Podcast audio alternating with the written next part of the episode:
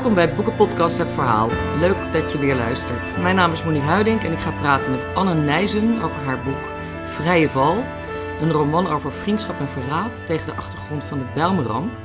Nu alweer precies 25 jaar geleden, de tijd vliegt. Uh, toen op 4 oktober 1992 dus een vrachtvliegtuig neerstortte op de Bijlmer, waarbij vele mensen om het leven kwamen. Anne Nijzen is in het dagelijks leven advocaat en coach. En van haar verscheen eerder de roman Zoutberg.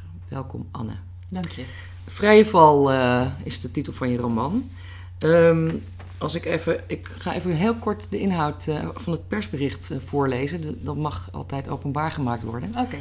Want dan verklap je niks van de, van de plot. het is een, een boek over, over, over, vriendschap en verraad, dat zei ik net al. op de, in het persbericht staat: Na een ongeval worden Suzanne en Lise door hun ouders gedwongen vriendschap te sluiten. Deze wordt gaandeweg zo intens dat hij al het andere overheerst. Ook als volwassenen blijven de vrouwen diep met elkaar verbonden, als bondgenoten en rivalen. Op een dag ontvangt Suzanne een brief die alles verandert. Diezelfde avond boort een vliegtuig zich in, een flat, in de flats van de Bijlmer. Hoe kan Suzanne overeind blijven terwijl haar leven wordt meegesleurd in een vernietigende val? Vrije val gaat over de eenzaamheid van schuld, over een verstikkende vriendschap en het grootste verraad. Nou, dat zijn allemaal thema's, uh, daar kan je wel wat mee, ja, denk ik. Eerste vraag, je bent coach. Wat voor soort coach uh, ben je? Ik doe werkgerelateerde coaching. Uh, dus dat houdt in dat ik mensen coach die op het werk tegen problemen aanlopen. Dat zijn dan meestal professionals. dus omdat ik ook advocaat ben, coach ik bijvoorbeeld ook veel advocaten, maar ook artsen, tandartsen uh, en dat, dat kan gaan over uh, skills die ze niet uh, hebben en die ze graag willen oefenen. Het kan gaan over dreigende conflicten die ze hebben met een leidinggevende. Is dat ook psychologisch? ja, coaching zit altijd een stukje psychologie achter. En zeker de opleidingen die je daarvoor doet, die raken natuurlijk altijd aan de psychologie ook. Ja. ja. Heb je dat kunnen gebruiken ook voor, voor, de rom, voor deze roman? Die, die ja, die zeker. Kennis? Ja. Ik werk als coach werk ik uh, met name met het Enneagram. Dat is een, um, een model dat uitgaat van negen persoonlijkheidstypes. Die allemaal hun eigen drijfveren hebben, hun eigen valkuilen hebben. Oh. Dus in coachtrajecten uh, bespreek ik met mensen uh, welk Enneagramtype ze zijn. En met die kennis kan ik ze veel diepgaander coachen, veel diepere, lagere raken. En voor die mensen is het vaak ook echt het feest de herkenning. Dat ze zich kunnen herkennen in een type en dat ze zien dat hun gedrag niet willekeurig is, maar samenhangt. En dan word je ook veel bewuster van dat gedrag. Maar zo, zo maak je ook een personage. Ja, zo maak ik dus ook een personage. Dus mijn personages uh, hebben dan ook een, een enneagramtype, waardoor ze heel consistent zijn uh, in het verhaal. Oh, dat gebruik je ook echt ja. op die manier. Ja. Geef eens, dan, wat is het type van, van Suzanne? Dat is de ik-persoon, de verteller, de hoofdpersoon, kunnen we ook zeggen, denk ik. Ja. Wat, wat voor soort type hoort dan bij haar vanuit die theorie? Uh, vanuit die theorie is zij uh, een type 3. Uh, dat is de succesvolle werker. Oh. en dat zijn mensen die heel doelgericht en effectief in het leven staan. en en precies weten wat ze moeten doen om dat doel te bereiken. Aha.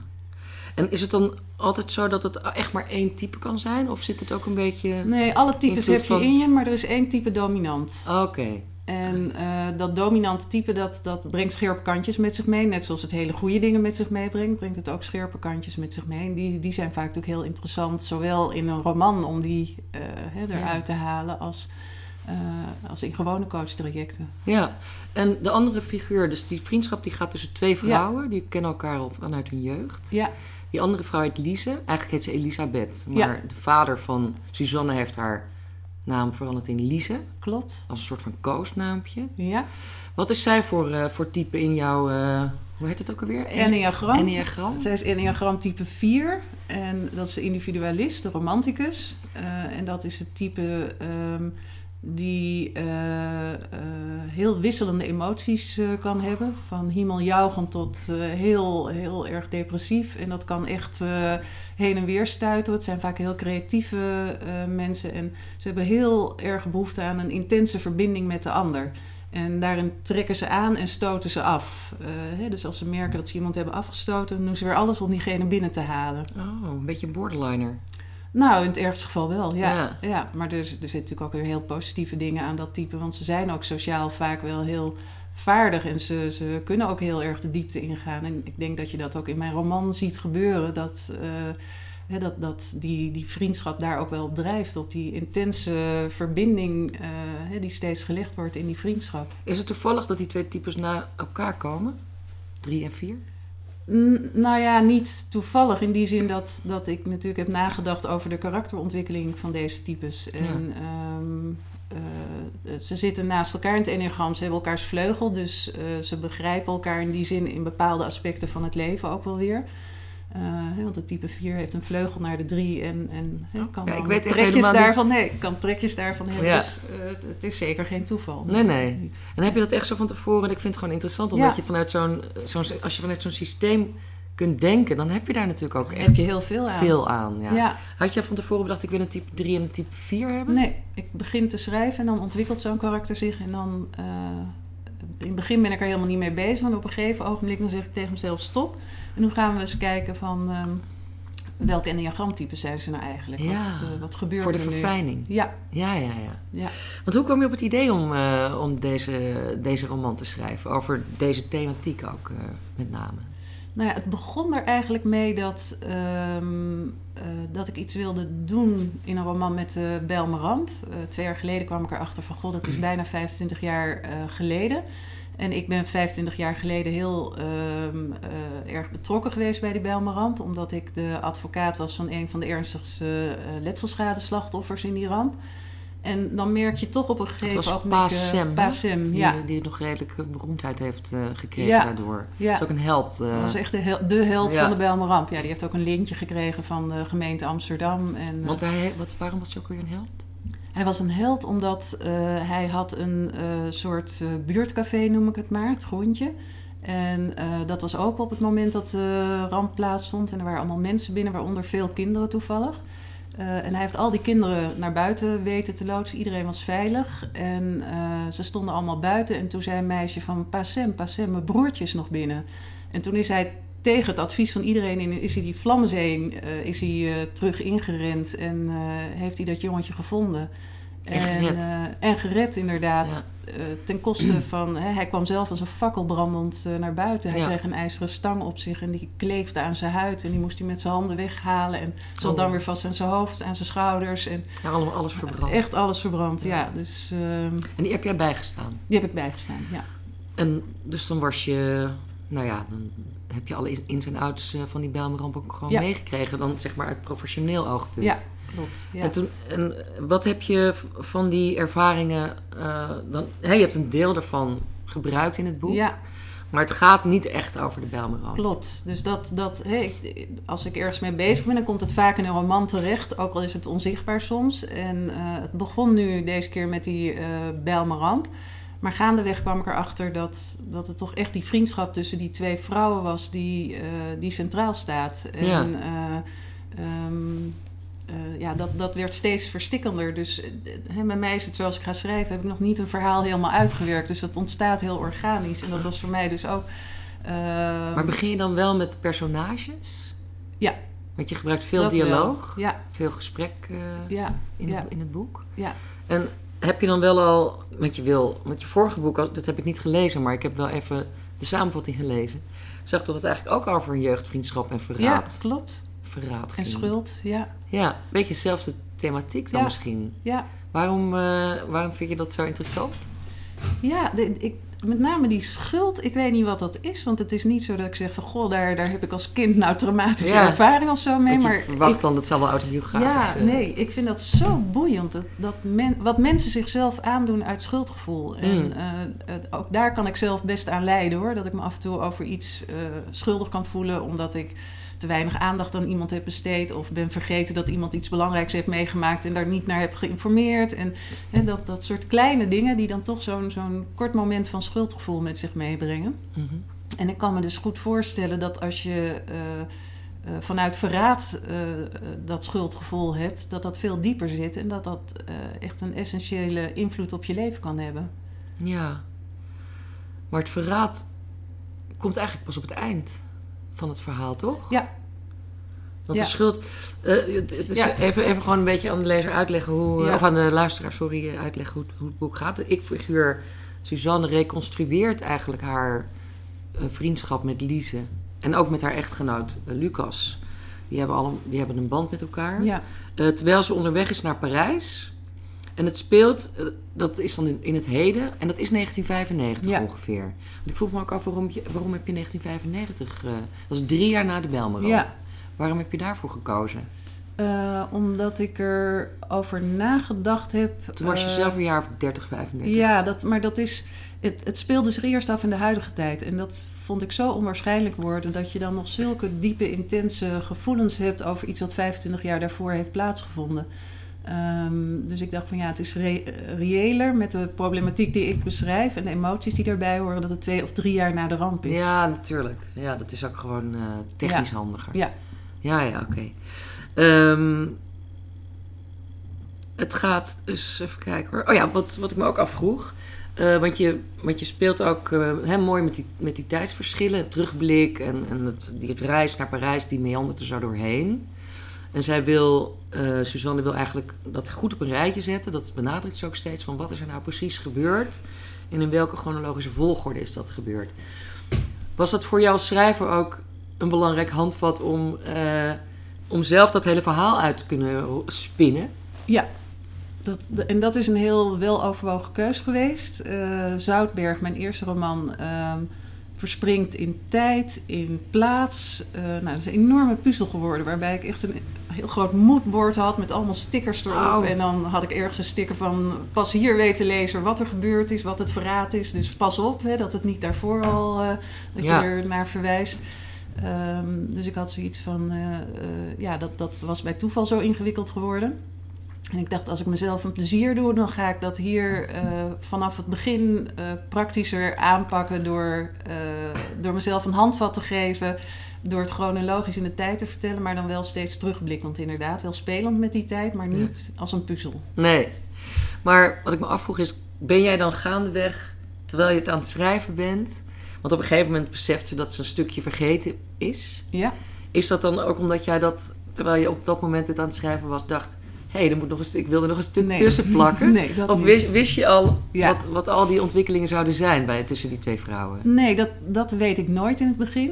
Maar eh, als ik eh, de, de tweede ronde ga inschrijven, zeg maar, dan, dan kan ik zien van, oh, hè, nu wordt het wel een beetje heel saai als het steeds helemaal de, de volgorde aanhoudt. Ik laat haar nu gewoon even een stukje terugpakken. Ja, ja. Soms is het technisch ook handiger voor het verhaal, omdat je anders te veel informatie eh prijsgeeft in een stuk. En dat je dan denkt van, oh ja, het is misschien toch slimmer om dat een beetje naar achteren te zetten. Dus dan, hè, dan kan zij bedenken van, oh, dat ben ik vergeten. En dan Ja. kun je de informatie wat later in het verhaal inpluggen. En dat, dat kan af en toe prettiger zijn. Dus je maakt meerdere versies altijd van je, van je roman?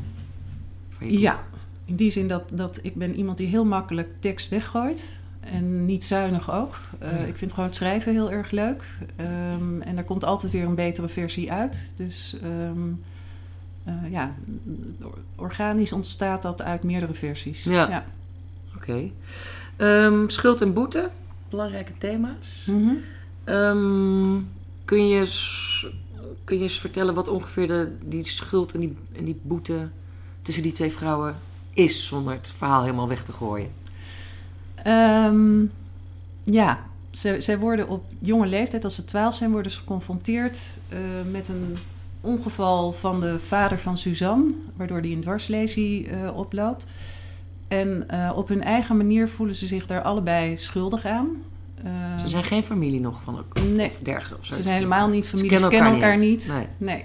Maar dat ongeluk brengt ze bij elkaar. Dat ongeluk brengt ze bij elkaar. eh, omdat eh, ehm, Suzanne of Lise boete moet gaan doen van haar moeder. En elke zondag bij de vader die het ongeluk heeft gekregen op de koffie moet gaan. Die ook een vreemde man voor haar is. Die ook een vreemde man Ja. voor haar is. Ze moet dat samen met haar broertje doen. Dus die zitten daar gedwee op een stoel eh, tegenover die ouders doen. boete te doen. en eh, Suzanne die zit dat eh, allemaal aan te kijken van bovenaan de trap. En geniet daar wel een beetje van. Maar het intrigeert haar ook. Hè? Kinderen die zo slecht zijn dat ze boete moeten doen. Ja. Ze zijn even oud. Ze zijn even oud. gezegd. Ja. En ehm, nou ja, op een gegeven ogenblik komt er een moment dat die vader het eigenlijk allemaal wel welletjes vindt. En tegen zijn dochter uh, Suzanne zegt van, nou, ik vind eigenlijk dat jullie gewoon vriendinnen moeten worden. En die heeft echt zoiets vriendinnen worden, maar Ja. dat is een slecht, eh, is een slecht meisje. Ja, Eh, maar ze vindt het ook alweer heel spannend. Dus gaandeweg komt daar een vriendschap die in het begin een beetje gedwongen is. Maar gaandeweg steeds intenser wordt. En, en ja, ook wel vanuit die gedeelde schuld. hè, dat, ze, dat ze toch wel elkaar daarin herkennen. ja. Eh, er is ook sprake van een grote rivaliteit. Of dat is in ieder geval iets waar, waar ze zich misschien... Denk je dat... Want ik, ik, iedereen kent wel zo'n soort vriendschap... of heeft dat bij anderen wel eens gezien... dat er inderdaad zo'n... Als, als mensen jong zijn... dat er een soort strijd ontstaat tussen, Ja. tussen, vriend, tussen vriendinnen. Ja, En denk je dat, dat, dat kinderen dat, van die leeftijd, pubers... dat die dat al, al zo voelen ook? Ik denk dat zeker. Ja, Ja? Ik, denk, ik denk zelfs nog wel jonger dat dat kan gebeuren. Zeker als er rivaliteit is om de aandacht van in dit geval de vader. Ja, Ehm, dat je als eigen kind eh, je- je heel miskend kan voelen als je merkt dat die vader ehm, ook veel aandacht heeft voor een ander kind. En daar zelfs een koosnaampje aan gaat geven. Ja. Wat jij zo net zei. Dat hij Dat is haar heel gaat noemen. ook, ja. ja. Ehm, Ik zou het ook niet zo leuk vinden, denk ik. Nee, en ik denk dat zelfs als je zeven of acht bent, dat je dat al zou kunnen voelen. Mm. En zeker als je twaalf bent en je staat zo aan het begin van de puberteit. Je bent heel erg op zoek naar je eigen identiteit. Eh, ook naar je ouders toe. Ja. Want je begint je al wat los te maken dan, denk ik, van je ouders. Maar dat wil je nog niet. En eh, ja, dan komt er opeens zo'n zo'n meisje in je leven die eh, als een verloren kind wordt binnengehaald. Die notabene eh Ja. mede een, een heel groot trauma en drama heeft veroorzaakt in Ja. dat kleine gezinnetje. Ook dat nog. Want. Suzanne heeft eh, geen andere broer of zus. Nee, En eh, ja, die vader is, is een basketbalcoach. ja, Dus met een dwarslezen is dat heel lastig om dat voor te zetten. Hoewel het even misschien wel kan. Maar dan word je dus zeer gehinderd in je beroep. ja, Kunnen we wel zeggen. Dus er komt een grote ramp eigenlijk Ja. over, die, over, die, over dat gezin. zeker, ja. En dan worden ze dus geforceerd om, om vrienden en vriendinnen te worden. En nu merk je van Suzanne wel dat ze... Dat ze heeft van, huh? weet je wel, waarom moet dat? Ja, Maar die, die Lise, die lijkt op een of andere manier wel, wel oké te vinden. die vindt het allemaal wel heel erg eh, spannend en leuk. En die, die hè, is vanuit dat enneagramtype degene die verbinding zoekt met mensen. Dus eh, die ja. vindt dat allemaal wel heel, heel interessant. Ze heeft zelf geen vader meer. Die is jong over, toen zij nog heel jong was, is die overleden. Dus eh, zij heeft ook wel behoefte aan een, een vaderfiguur in Ja. haar leven. En eh, ze komt uit een christelijk gezin, dus haar moeder is ook niet heel erg eh, soepel en flexibel in wat ze wel en niet mag. En ze, ze komt eigenlijk in een ander gezin terecht waar ze zich eh, misschien wel prettiger voelt. Ja. En dat, eh, dat leidt toch al redelijk snel tot een zeer intense vriendschap. Ja. Kunnen we wel zeggen. Ja. Ehm, hoe, eh, hoe zou je die ontwikkeling als ze nog jong zijn eh, kunnen omschrijven? Als ze nog zeg maar, op middelbare school zitten? Wat, wat, voor fase, wat voor fase van intensiteit zitten ze dan? Dan zitten ze nog meer in die rivaliteit. Ehm, dus dat is meer dat aantrekken en afstoten, denk ik. Ehm, dus elkaar begrijpen, maar ook elkaar naar de kroon eh, steken. Ehm, elkaar de loef eh, afsteken met allerlei kleine dingetjes. Omdat nou, of, of dat nou gaat om, om eh, rages die op school zijn waar ze het beste in willen zijn. Of eh, een vriendje krijgen waar vriendjes iedereen naar altijd drama. ja. Ja. Ja, dus dat, dat soort zaken. Dus ik denk dat het in, in die middelbare schooltijd ja, heel erg dat aantrekken afstoot is. Want ze hebben toch ook al voor die leeftijd best wel intensieve gesprekken. eh, hè, ook over schuld. En, eh, Ja. ehm, Ja, dat, Ja. dat- daar, daar praten ze veel over. ja, Daar denken ze ook veel over na. Over, eh, En ze hebben ook eigenlijk een soort bondje met elkaar. Dat ze dat verder aan niemand anders vertellen.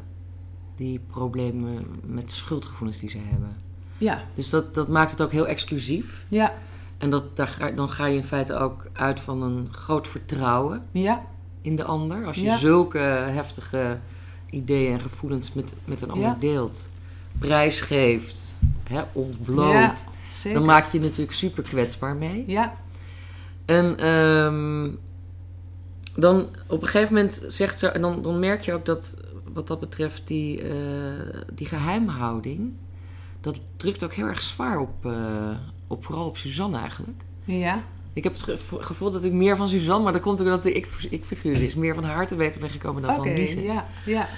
Eh, want dan zegt ze op een gegeven moment... eh, niemand mocht weten wat zich bij ons afspeelde. Eh, want haar vader die heeft op een gegeven moment een, een manier gevonden... om zijn, het feit dat hij helemaal verlamd is Ja. af te reageren. Ik ga nog niet vertellen wat. Nee, maar enorme frustratie die die afreageert. Ja. ja. En ehm, nou ja, dan, heeft zij, dan, dan merk je dat zij daar ook echt last van heeft. Dat dat, dat, dat zwaar voor haar is om... eh, Nou ja, zij schaamt zich voor haar eh, thuissituatie. Ja. Voor hoe haar vader ehm, Omgaat met zijn- omgaat met zijn verdriet en zijn frustratie. En ehm, zij wil pertinent niet dat, dat iemand dat eh, te weten komt. Want ehm, ja, dan, dan zou de buitenwereld weten van eh, hun problematische situatie thuis. Die eigenlijk een beetje onder het tapijt wordt geschoffeld. Want haar moeder doet alsof er niks aan de hand is. Eh, hè, die lacht dat een beetje weg, wuift het een beetje ja, weg. die negeert het eigenlijk ook. Ja, die negeert Iedereen het. negeert het. Ja, Ja, en eh, de enige die het weet is Lise. Dus ook dat geheim, dat heeft niet zoveel met hun vriendschap te maken. Maar ook dat geheim delen ze weer. Ja. Dus eh, dat, dat is voor haar heel belangrijk dat Lise ook dat respecteert. Ja. Eh, dat dat geheim binnen de kamers blijft. want waarom wilde je dat zo, zo groot maken eigenlijk? Dat die Lise eigenlijk heel veel van, van Suzanne weet. Ehm, waarom was het belangrijk om dat, om dat vertrouwen zo groot te maken? Nou, ik, ik denk dat het soort vriendschap mij met name intrigeert. Dus dat het niet eens zozeer om het vertrouwen gaat, maar eh, de intensiteit van zo'n vriendschap. En eh, terwijl ik dat boek schreef, heb ik dat ook wel met mensen besproken. Van dat is misschien het soort vriendschap waar ik zelf altijd wel naar gehunkerd heb. Maar nooit... eh, Maar nooit zo Oh, intens heb ja, ervaren. Ik denk altijd van, oh, dat wil iedereen toch? Een vriendin waarmee je echt zo close bent. eh, hè, ja, dat bijna symbiotisch. ja, bijna Ja. symbiotisch. eh, maar dat je alles bij elkaar kwijt kan en dat je alles van elkaar begrijpt. En, eh, Is dat ook niet een soort van zussen-ideaal? Ja, ik heb zelf geen zus, ik heb twee broers, dus misschien dat het Ja. daar ook wel uit voortvloeit. Ja, Lijkt me ook altijd heel fijn om een zus te hebben. Dat ik denk van, oh, dan kun je eh, elkaars kleren lenen. En ja, je, je Alles kunt ja, in het vertrouwen van, van je achtergrond kun je je geheimen bespreken of je twijfels, onzekerheden. Hey, je, kunt, eh, ja. je hebt iemand waar je eigenlijk alles eh, bij kwijt kunt zonder dat je zorgen hoeft te maken over van wat vindt die ander nou van me. Ja, dat is wel interessant. Want ik had inderdaad het gevoel van ze hebben allebei geen zus. Ja, En dan zijn ze elkaar zussen inderdaad. Ja, ja oh, dat is wel grappig. Maar Ja. dat komt dus omdat jij ja, dat zelf zo graag gaat willen hebben. Maar ja, op een gegeven moment, hè, je, je, je geeft ze ook problemen. Ze komen ook in de problemen met Ja. elkaar. Nou ja, kijk, dat, dat is. hè, Ik heb natuurlijk zitten bedenken, wat gebeurt er met een vriendschap die zo verstikkend is? Hè? Want dat is hij eigenlijk uiteindelijk natuurlijk wel. Mm. Eh, en dan denk ik van ja, iets, iets wat verstikkend is, wat overwoekert. Het enige wat je daarmee kunt doen is, is ja, letterlijk die wortels doorknippen. Hè, dat, dat gebeurt in het boek dan door dat grote verraad. Maar iemand moet die wortels doorknippen om te voorkomen dat het zo verstikkend wordt dat dat eh, ja, een ondoordringbaar oerwoud wordt waar je nooit meer uitkomt. Eh, Ja. hè, want eh, ze, ze ervaren dat toch ook wel als heel drukkend op een gegeven ogenblik. Hè? Ze verwachten wel heel veel van elkaar. ook als, als volwassen vrouwen, als ze gaan samenwerken. Eh, dan wordt er echt van elkaar geëist dat ze helemaal tot de bodem gaan in zichzelf blootgeven in wat hun over bepaalde onderwerpen bezighoudt. En hoe Ja. ze dat als kind hebben ervaren en hoe ze dat nu ervaren. Ja, ze gaan eigenlijk helemaal in een soort van regressieachtige Ja, situatie. Want, nou, we kunnen wel vertellen, ze gaan op een gegeven moment... Ze hebben nu de school afgemaakt. De een wordt kunstenaar, de ander wordt kunsthistoricus. Mhm. En dan beginnen ze samen ook een galerie. ja, En dat gaat, dat gaat er zo heftig aan toe dat ze... Eigenlijk gaan al die, die werken die ze, daar, eh, die ze daar exposeren over hun eh, vriendschap. ja. Of over hun... over hun gevoelens, gevoelens, hun ja. thema's in Ja. ieder geval, hun levensthema's. En ja. daarbij is Lise eigenlijk degene die heel erg... En die, die gaat echt altijd tot, de, tot het bot. Ja. Die is heel... eh, die vindt dat alles naakt moet zijn. En open en eerlijk. Ja, Waarbij, waarbij Suzanne juist dan weer een beetje terughoudend is. Ja. Maar op een of andere manier vindt zij dat ook fijn, Suzanne. Het is natuurlijk een teken van vertrouwen dat iemand zo ver met jou wil gaan. Oh. Dat jij degene bent hè, waarmee iemand die diepte opzoekt. Ja, maar het is ook een, je zou kunnen zeggen dat, dat je wordt uitgebuit. Ja, maar zo ervaart ze het niet. Nee, dat, het, het vloeit echt voort uit de lijn die ze als kinderen al hebben ingezet. Hè, waarbij ze elkaar alles kunnen vragen. Ja. En ehm, waarbij er dan ook een eerlijk antwoord eh, komt. Ehm, hè, wat ze als volwassenen voortzetten. Maar waarbij inderdaad Suzanne dat af en toe ook, ook als bedreigend ervaart Ja. en als verstikkend. eh, Het gevoel heeft dat ze leeggezogen wordt. ja, klopt. Zegt ze ergens letterlijk. Ja, zegt ze. Ja. Ja. Ja. Dus dan is dat, dat, dat, dat idee dat ook een romantisch idee is natuurlijk van het heel vertrouwde zusjes. eh, hè, dat, maar dan ben je nog, heb je nog bloedverwantschap. Dat is Ja. nog sterker natuurlijk. ja. Is toch ook, eh, ja, er zitten toch ook allerlei scherpe, nare, Hier, hier, zwarte ja. randjes aan. Hier zitten veel breukjes Ja. in. En, en daardoor moet het uiteindelijk natuurlijk ook ontsporen. Ja, ik, ik ben ervan overtuigd dat als iets als zo verstikkend wordt ervaren, dat je daar uiteindelijk eh, voor kiest om, eh, om daar eh, uit te komen, om weer adem te kunnen halen, Ja. weer lucht te krijgen. maar ik vind het wel grappig omdat je eigenlijk net zei van dat, je, dat je het zelf graag had gehad, zo'n vriendschap. Terwijl het is heel traumatisch, zoals jij het beschrijft in het, in het, in Ja. het boek. Maar dat is natuurlijk ook omdat ze hier een verleden delen vanuit schuld, waardoor alle thema's veel heftiger worden aangezet Ja. dan dat ik in een eigen vriendschap hopelijk Dat je, die, zou dat doen, je niet eh, zo'n slechte start zou eh, Nee, niet zo'n slechte Ja. start. En ook eh, wel mijn grenzen daarin kunnen aangeven. Van tot zover en niet verder. En Ja. dat is eigenlijk wat zij niet doen in het begin. Nee, maar ze hebben dan ook wel weer periodes van verwijdering. Ja. Dan hebben ze er eigenlijk... Nou, ik had steeds het gevoel dat vooral Suzanne heeft dan even... Ja, er even genoeg Hoef jou van. even niet te zien nu.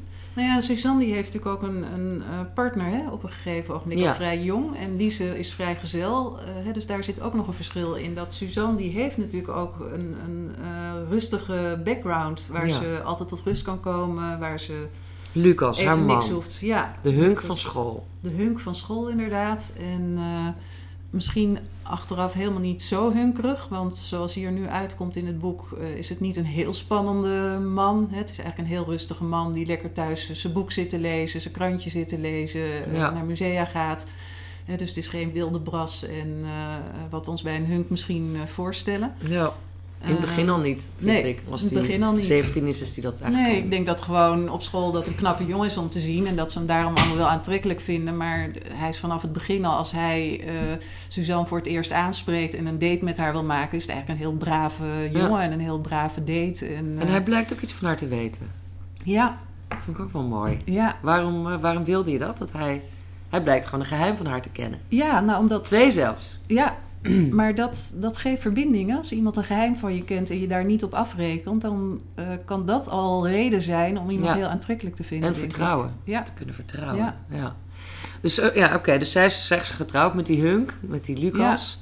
Eh Lise, die, die doet er dan gemeen ook eventjes over. Van dat hij helemaal niet op haar valt, maar dat hij gewoon om andere reden die haar zielig vindt of zo. Ja. Natuurlijk vals is. Ja, Zo'n valse meiden truc. En die gaat, die wordt ook kunstenaar. Mhm. Dus die gaat de Rietveld Academie of zo geloof ik doen. Lise, ja. Ja. Dus dat is dan toch ook een veel spannender leven dan, ja, dan gewoon maar kunst. Want eigenlijk wilde Suzanne dat ook. Die wilde ook Maar eigenlijk die de werd afgewezen. Ja, En ehm, dat is natuurlijk ook wel veel spannender dan kunsthistoricus worden. Wat Ja. zij dan tenslotte eh wordt. ja, Dus die levens die, die, die lijken ook helemaal niet meer op elkaar. nee, klopt. En toch wilde Suzanne de hele tijd maar naar die Lise toe. Ja. Maar ja, dat zou ik ook wel willen als ik een betrekkelijk saai leven heb. En je ziet dat die ander eh, heel spannende dingen aan het doen is. Hè? Ja. Want die heeft allemaal van die, van die spannende vrienden van de kunstacademie. En Ja. ja, ja Suzanne die heeft eh, een baantje waar ze helemaal niet gelukkig van wordt in een galerie. En die, die Lise zit een beetje aan te prutten als kunstenaar. Maar eh, hè, dan, dan zit Suzanne haar weer terug te pakken door te zeggen... nou, je moet wel eh, zorgen dat je geld gaat verdienen hoor, want anders wordt het helemaal niks. Ja, ja, ja. Eh, hè, maar daar, daar zit natuurlijk ook die rivaliteit tussen. Maar het is natuurlijk wel spannend, het leven van Lise. Hè? Die is met heel andere dingen bezig. Dus ik snap wel dat Suzanne ook steeds weer die aansluiting zoekt... om te voorkomen dat ze echt een teruggetrokken leven... met de Ja. niet helemaal hunk hè, op de bank zit te leven. Maar denk je dat, dat, dat zij dat gevoel ook al had toen ze nog jong was? Want eigenlijk doet die Suzanne die doet vrij leuke dingen. Die, doet, die, doet, die doet hele lieve dingetjes, doet ze. ze doet heel lieve dingetjes, Ja. maar ze vindt zichzelf niet Die heel erg spannend. Ja, daarom. Het, is een, het is een meisje als kind die zich eh, niet aan de buitenwereld presenteert. Hè? Lise, dat is echt iemand die... Ja, die is eh, ah, hallo, hier ben ik en het feest kan beginnen. Ja. Eh, nou, dat, dat heeft Suzanne niet. En ik denk dat ze daar toch wel met enige jaloezie naar kijkt. Dat iemand dat durft. Want je krijgt het dat gevoel doet. dat zij dat eigenlijk van binnen ook is. Ja, ja alleen laat ze het er niet uitkomen. Hè? En, en eh, Lise haalt het er bij haar uit. Hè, die laat Ah, haar ja. het wel doen. Ja. Oh ja, op zo'n manier. Ja. Ja, ja. En die zegt kom op, we gaan samen een galerie beginnen. Nou, dat is Ja. natuurlijk eigenlijk niks voor Suzanne om zo'n risico te nemen.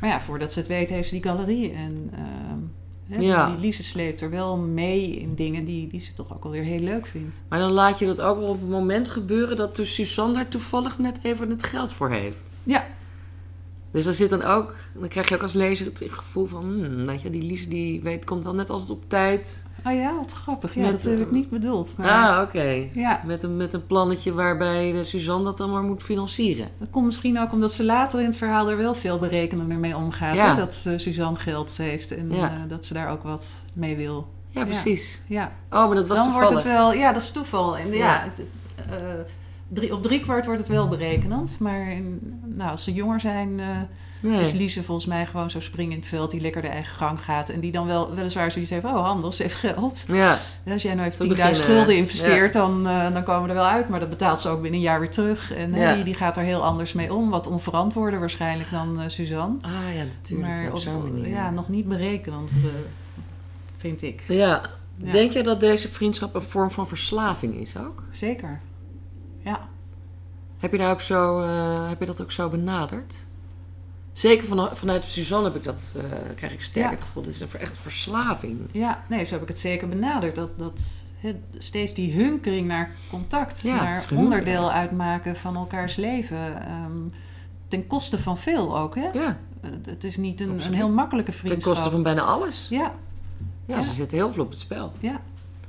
En toch kan ik me dat wel voorstellen, dat je, dat je hunkert naar diepgang, naar eh, iemand waarmee je heel veel kunt delen. Eh, Is het ook een hunkering naar pijn, denk je? Zo heb ik het niet eh, ervaren bij het schrijven, dat niet, nee. Of naar wreedheid? Nee. Nee, wel die rivaliteit. Heel sterk de rivaliteit. Ehm, maar, maar nee, niet wreedheid of zelf, zichzelf willen pijnigen of een andere willen pijnigen. Hmm. Maar ik kan me wel heel goed voorstellen dat, dat als je leven zo lekker voortkabbelt, eh, dat je daar problemen mee hebt. Maar dat je niet weet hoe je daar uit moet stappen en het zelf voor elkaar moet krijgen. En dat het dan heel fijn is als je jeugdvriendinnetje jou de hand reikt van laten we samen dit leven gaan lei- leiden en, en samen gaan werken eh, in een galerie. eh, hè, dat, ook dat is wel weer vertrouwd en veilig. Dat die glans van haar een beetje over Suzanne gaat afstralen. Ja, en het, op haar het- gaat afstralen. ja, en uiteindelijk is het natuurlijk toch wel vice versa. Lise zou het ook niet zonder Suzanne kunnen. En niet alleen financieel. Hè? Ook, ook, ze, die heeft het echt nodig om als kunstenares te kunnen presteren. Om die, die naaktheid van de onderwerpen die ze benaderen... om die ook eh, helemaal uit te kunnen spinnen met, eh, met Suzanne. En dat Ja. kan ze alleen met Suzanne. Dat zal ze niet met een ander doen. Nee, er komt ook inderdaad geen ander Nee. voorbeeld. eh. Nee, dus dat is toch ook van Lise uit wel heel exclusief. En Ja. ook omdat ze dat als meisjes al deden. Want ze hebben natuurlijk eigenlijk gewoon een jeugdtrauma allebei. Ja, en dat bindt hun. Ja, En ze voelden zich alle twee schuldig over die, dat ongeluk van hun vader. ja. Van de vader van Suzanne. dat, dat zegt er ook, eh, Suzanne die concludeert dat ook op een gegeven moment ook. Dan zegt ze eerst was er de schuld en toen pas de rivaliteit. Ja. Waarom is dat belangrijk, die volgorde? Ehm, dat is belangrijk omdat eh, schuld je dus kan aanzetten tot dingen die je misschien niet van nature in je hebt. Dus waar ik het gesprek mee begon, van dat schuldthema, dat, dat eh, intrigeert mij, omdat mensen vanuit schuld ehm, ja, zich op een heel andere manier kunnen gedragen in het leven eh, dan als ze dat schuldgevoel niet hadden gehad. Denk je dat het, dat het een beetje verminkend kan Ja, heel verminkend. Ik denk dat het echt een soort eh, ja, schimmel kan zijn die door je hele lijf gaat en, en hè, die zich om al je organen zit te wroeten. En dat je daardoor een naar gevoel in je maag hebt en een naar gevoel in je hart hebt. En Mm. ehm, hè, wat zich steeds, steeds vaster hecht aan je, omdat je er geen eh, plek aan kunt geven. Een en boze het, geest. eh, ja, een soort boze geest die, Mm. die zich nestelt. En als je niet weet hoe je, hoe je die los moet laten, ja, dan, eh, dan zoek je daar een uitweg voor. En dat is dan voor Suzanne met name de rivaliteit. En Lise haakt daarop in. Ook omdat er zit ook een beetje woede bij. hè? Ja, tuurlijk zit er ook woede bij. Hè? Want die, die Suzanne die snapt er niks van. Eh, hè, daar, daar zit een meisje boete te doen. En voordat je het weet moet je er bevriend mee raken. Ja. En vindt je vader haar helemaal geweldig. En misschien zelfs wel geweldiger dan dat hij zijn Ja. eigen dochter vindt. Hè? Want dat is het gevoel wat Suzanne heeft. Van, Maar dat is ja, ook ze jaloezie. veel meer aansluiting. Ja, er zit natuurlijk eh, ook jaloezie in. Ja. En, hè. Dus, En dan die eh, jaloezie in de, in de, Je hebt ook nog afgunst, hè? Ja, Dat is een groot verschil Ja, tussen. ja, maar ja, een klein verschil, maar toch belangrijk. Jaloezie ten opzichte van... Kijk, het is haar vader. ja, Dus zij heeft daar... Dat is gewoon haar gegeven band. Ja. En dan mag die Lise natuurlijk niet tussenkomen. nee. Maar je ziet het andersom. Dat Lise lijkt eerder afgunstig te zijn. Eh, die wil dingen hebben van... Die Suzanne heeft. Ja, ja, ja, want die heeft zelf geen vader. Ja. En dan is er opeens zo'n zo'n vaderfiguur Dus die, eh, die jou heel leuk vindt. Ja. En eh, hè, die, die leuke dingen met jou doet. En die een beetje met jou loopt te dollen. En eh, ja. vanuit zijn rolstoel dan. Maar hè, die, die, die leuke dingen met jou doet. En, en hè, die echt een beetje die, die vaderrol op zich neemt. Ja. Want meer wordt het ook niet. Het is echt die vaderrol. Hè. Het is niet dat er meer tussen hun Nee, nee, nee, nee, nee. Maar, ehm, Maar dat, de jaloezie Ja. en afgunst, dat, die thematiek zit er dus ook sterk in. Is dat, is dat, denk je dat dat hoort bij schuldgevoel? nee. Ik denk dat dat Want op heel verschillende manieren eh, vorm eh, kan krijgen. Ja? Ja, Een ander, echt iets anders. ja, Jaloezie. ja. Het is echt voor mij in ieder geval heel anders, ja. Wat, is- wat, hoe, hoe zou je dat verschil kunnen... Hoe, hoe kan dat iets anders zijn? Want je voelt... Je bent dan... Hè, je voelt je eh, natuurlijk niet ergens schuldig over op dat moment. Maar het is wel... Het is ook een heel naar gevoel. Heel akelig. schuld, ja. Waarover je dan later weer schuldig kunt voelen. Dat Ja. je zo jaloers bent geweest. Maar ik denk dat je schuld op heel verschillende manieren kunt ehm, eh, ehm, oplossen. Eh, hè, althans, je probeert het op te lossen. Je wilt je prettig voelen. Eh, Ja. en een van die manieren is dat je ehm, jaloers kan worden... omdat iemand anders op een andere manier met die schuld omgaat... of op een, op een andere manier aandacht vraagt. Hè, maar ik kan me ook voorstellen dat je eh, jaloezie of eh, schuld zou oplossen... door het helemaal eh, stil te zwijgen en er helemaal niks meer mee te doen... Ehm, in mijn eerste roman S- Zoutberg, waar, waar schuld en verraad ook een grote rol in spelen, ehm, eh, eist de, de een bijna van de ander, de ene hoofdpersoon van de andere hoofdpersoon, dat hij hem vergeeft. Dus die zoekt het in heel wat anders. En dat heeft niks daar te maken met jaloezie, maar dat heeft te maken van, van ik was een kind en nu ben ik volwassen en ik heb vergeving nodig. Want Ja. dan kan ik verder met mijn leven. En zolang jij mij geen vergeving schenkt, eh, kan ik niet verder met mijn leven. En eh, die ander die denkt, hé, hey, maar dat is mooi. Daar zit een stukje wraak in. Ja, En dus dan komt er opeens een, een wraakthema. En eh, dat, dat heeft ook niet met jaloezie te maken. Die denkt van, ik ga jou helemaal niet vergeven. nee, ik wil niet zeggen dat het, dat het altijd Nee. uit elkaar vo- voortvloeit. Maar, nee. Eh, maar wat wel interessant is, is dat in, dit, in de- deze roman eh, gaat het niet zozeer om vergeving, maar over boete doen. Ja, Kijk, heel religieus, hè? het is katholiek. Want bij, bij schuld en boete en vergeving, na, Ja. na de vergeving ben je er pas vanaf Ja. namelijk. klopt. En eh, dat gebeurt hier niet. Nee, Dat boete doen, dat is ook, een, dat, dat is wat minder, dat is ook wel een beetje katholiek. ja. Maar dat is toch eigenlijk eerder protestants? Toch? Nou, nee, je, de, de eh, penitentie in de katholieke kerk, hè, de, de Oh, je hebt het drie rozenkransjes Ja, eh, ja, ja. bidden en dan, eh, hè, dan, dan zijn de zonden vergeven. Ja. Maar omdat hier geen vergeving in, in dit verhaal voortkomt. Nee, maar het is wel een thema waar ze heel erg mee bezig zijn natuurlijk. Hè? Van, eh, de, de- Ja, dat- als, als zijn ze er al heel erg mee bezig. Van wat voor soorten schuld heb je? En Ja. ehm, eh, kun je daar boete voor doen? Want ze realiseren zich al heel jong van ja, als je boete doet ben je er wel van af. Maar Lise die zegt tegen Suzanne, dat geldt niet voor alle vormen van schuld. Hè? Je hebt de, de, de juridische schuld. eh? Dus je, je schiet iemand dood en je zit twintig jaar en daarna mag je naar huis. Nou, klaar, boete gedaan. Ja. Je hebt de, de, de christelijke schuldvraag. eh hè, je bidt, bidt eh, drie wezen groetjes. En, eh, Ben je nou, ook eh, katholiek opgevoed? ik ben katholiek opgevoed, Ah, ja. ja. Maar niet met, eh, met dit soort, eh, daar was ik al te oud voor. En dan, dan, maar dan zegt eh, Lise, die zegt tegen Suzanne... maar je hebt ook nog de morele schuld. En daar kun je nooit boete voor doen. En dat, dat werken dan ze dan helemaal uit. En ingewikkeld. dan Ja, ja, wordt het ingewikkeld van wat is nou morele schuld? Hè? Dat is iets waar, je, waar de buitenwereld van zal zeggen... ja, maar daar, daar ben je helemaal niet schuldig aan. Eh, terwijl je zelf weet, ja, en toch voel ik me schuldig. Ja. Dus in, in het boek geef ik een, een voorbeeld eh, wat Lise dan aan Suzanne geeft. Want die snapt er natuurlijk ook niks van, van die morele schuld. En die zegt van ja, nou stel je voor je oma is jarig. En die geeft een feestje en eh, jij besluit niet te gaan. En daar voel je je schuldig over, want je weet dat je oma dat zo fijn had gevonden als je wel was gekomen. En ehm, dan zegt ze, ja, daar kun je geen boete voor doen, want je bent niet gegaan. Dat is gewoon een feit. En dan En die dag is voorbij. ja, die dag is Voor voorbij. En Suzanne zegt, ja, maar je kunt dan toch volgende week alsnog gaan? En dan zegt ze, nee, want hè, dat is inderdaad voorbij. Dus daar kun je geen boete meer voor doen. Dus eh, daar zijn ze zich heel erg bewust van, van die morele schuld. Ja. Dat je daar geen boete voor kunt doen. Ja. En na- naast die rivaliteit die ze dus eh, op een gegeven moment ontwikkelen, ehm, of niet ernaast, dat is eigenlijk ook een, een soort van competitie. Hè? Ja, Is dat belangrijk in, eh, binnen relaties, denk je? Dat er, zo'n, dat er een vorm van competitie is? Of vind jij dat belangrijk?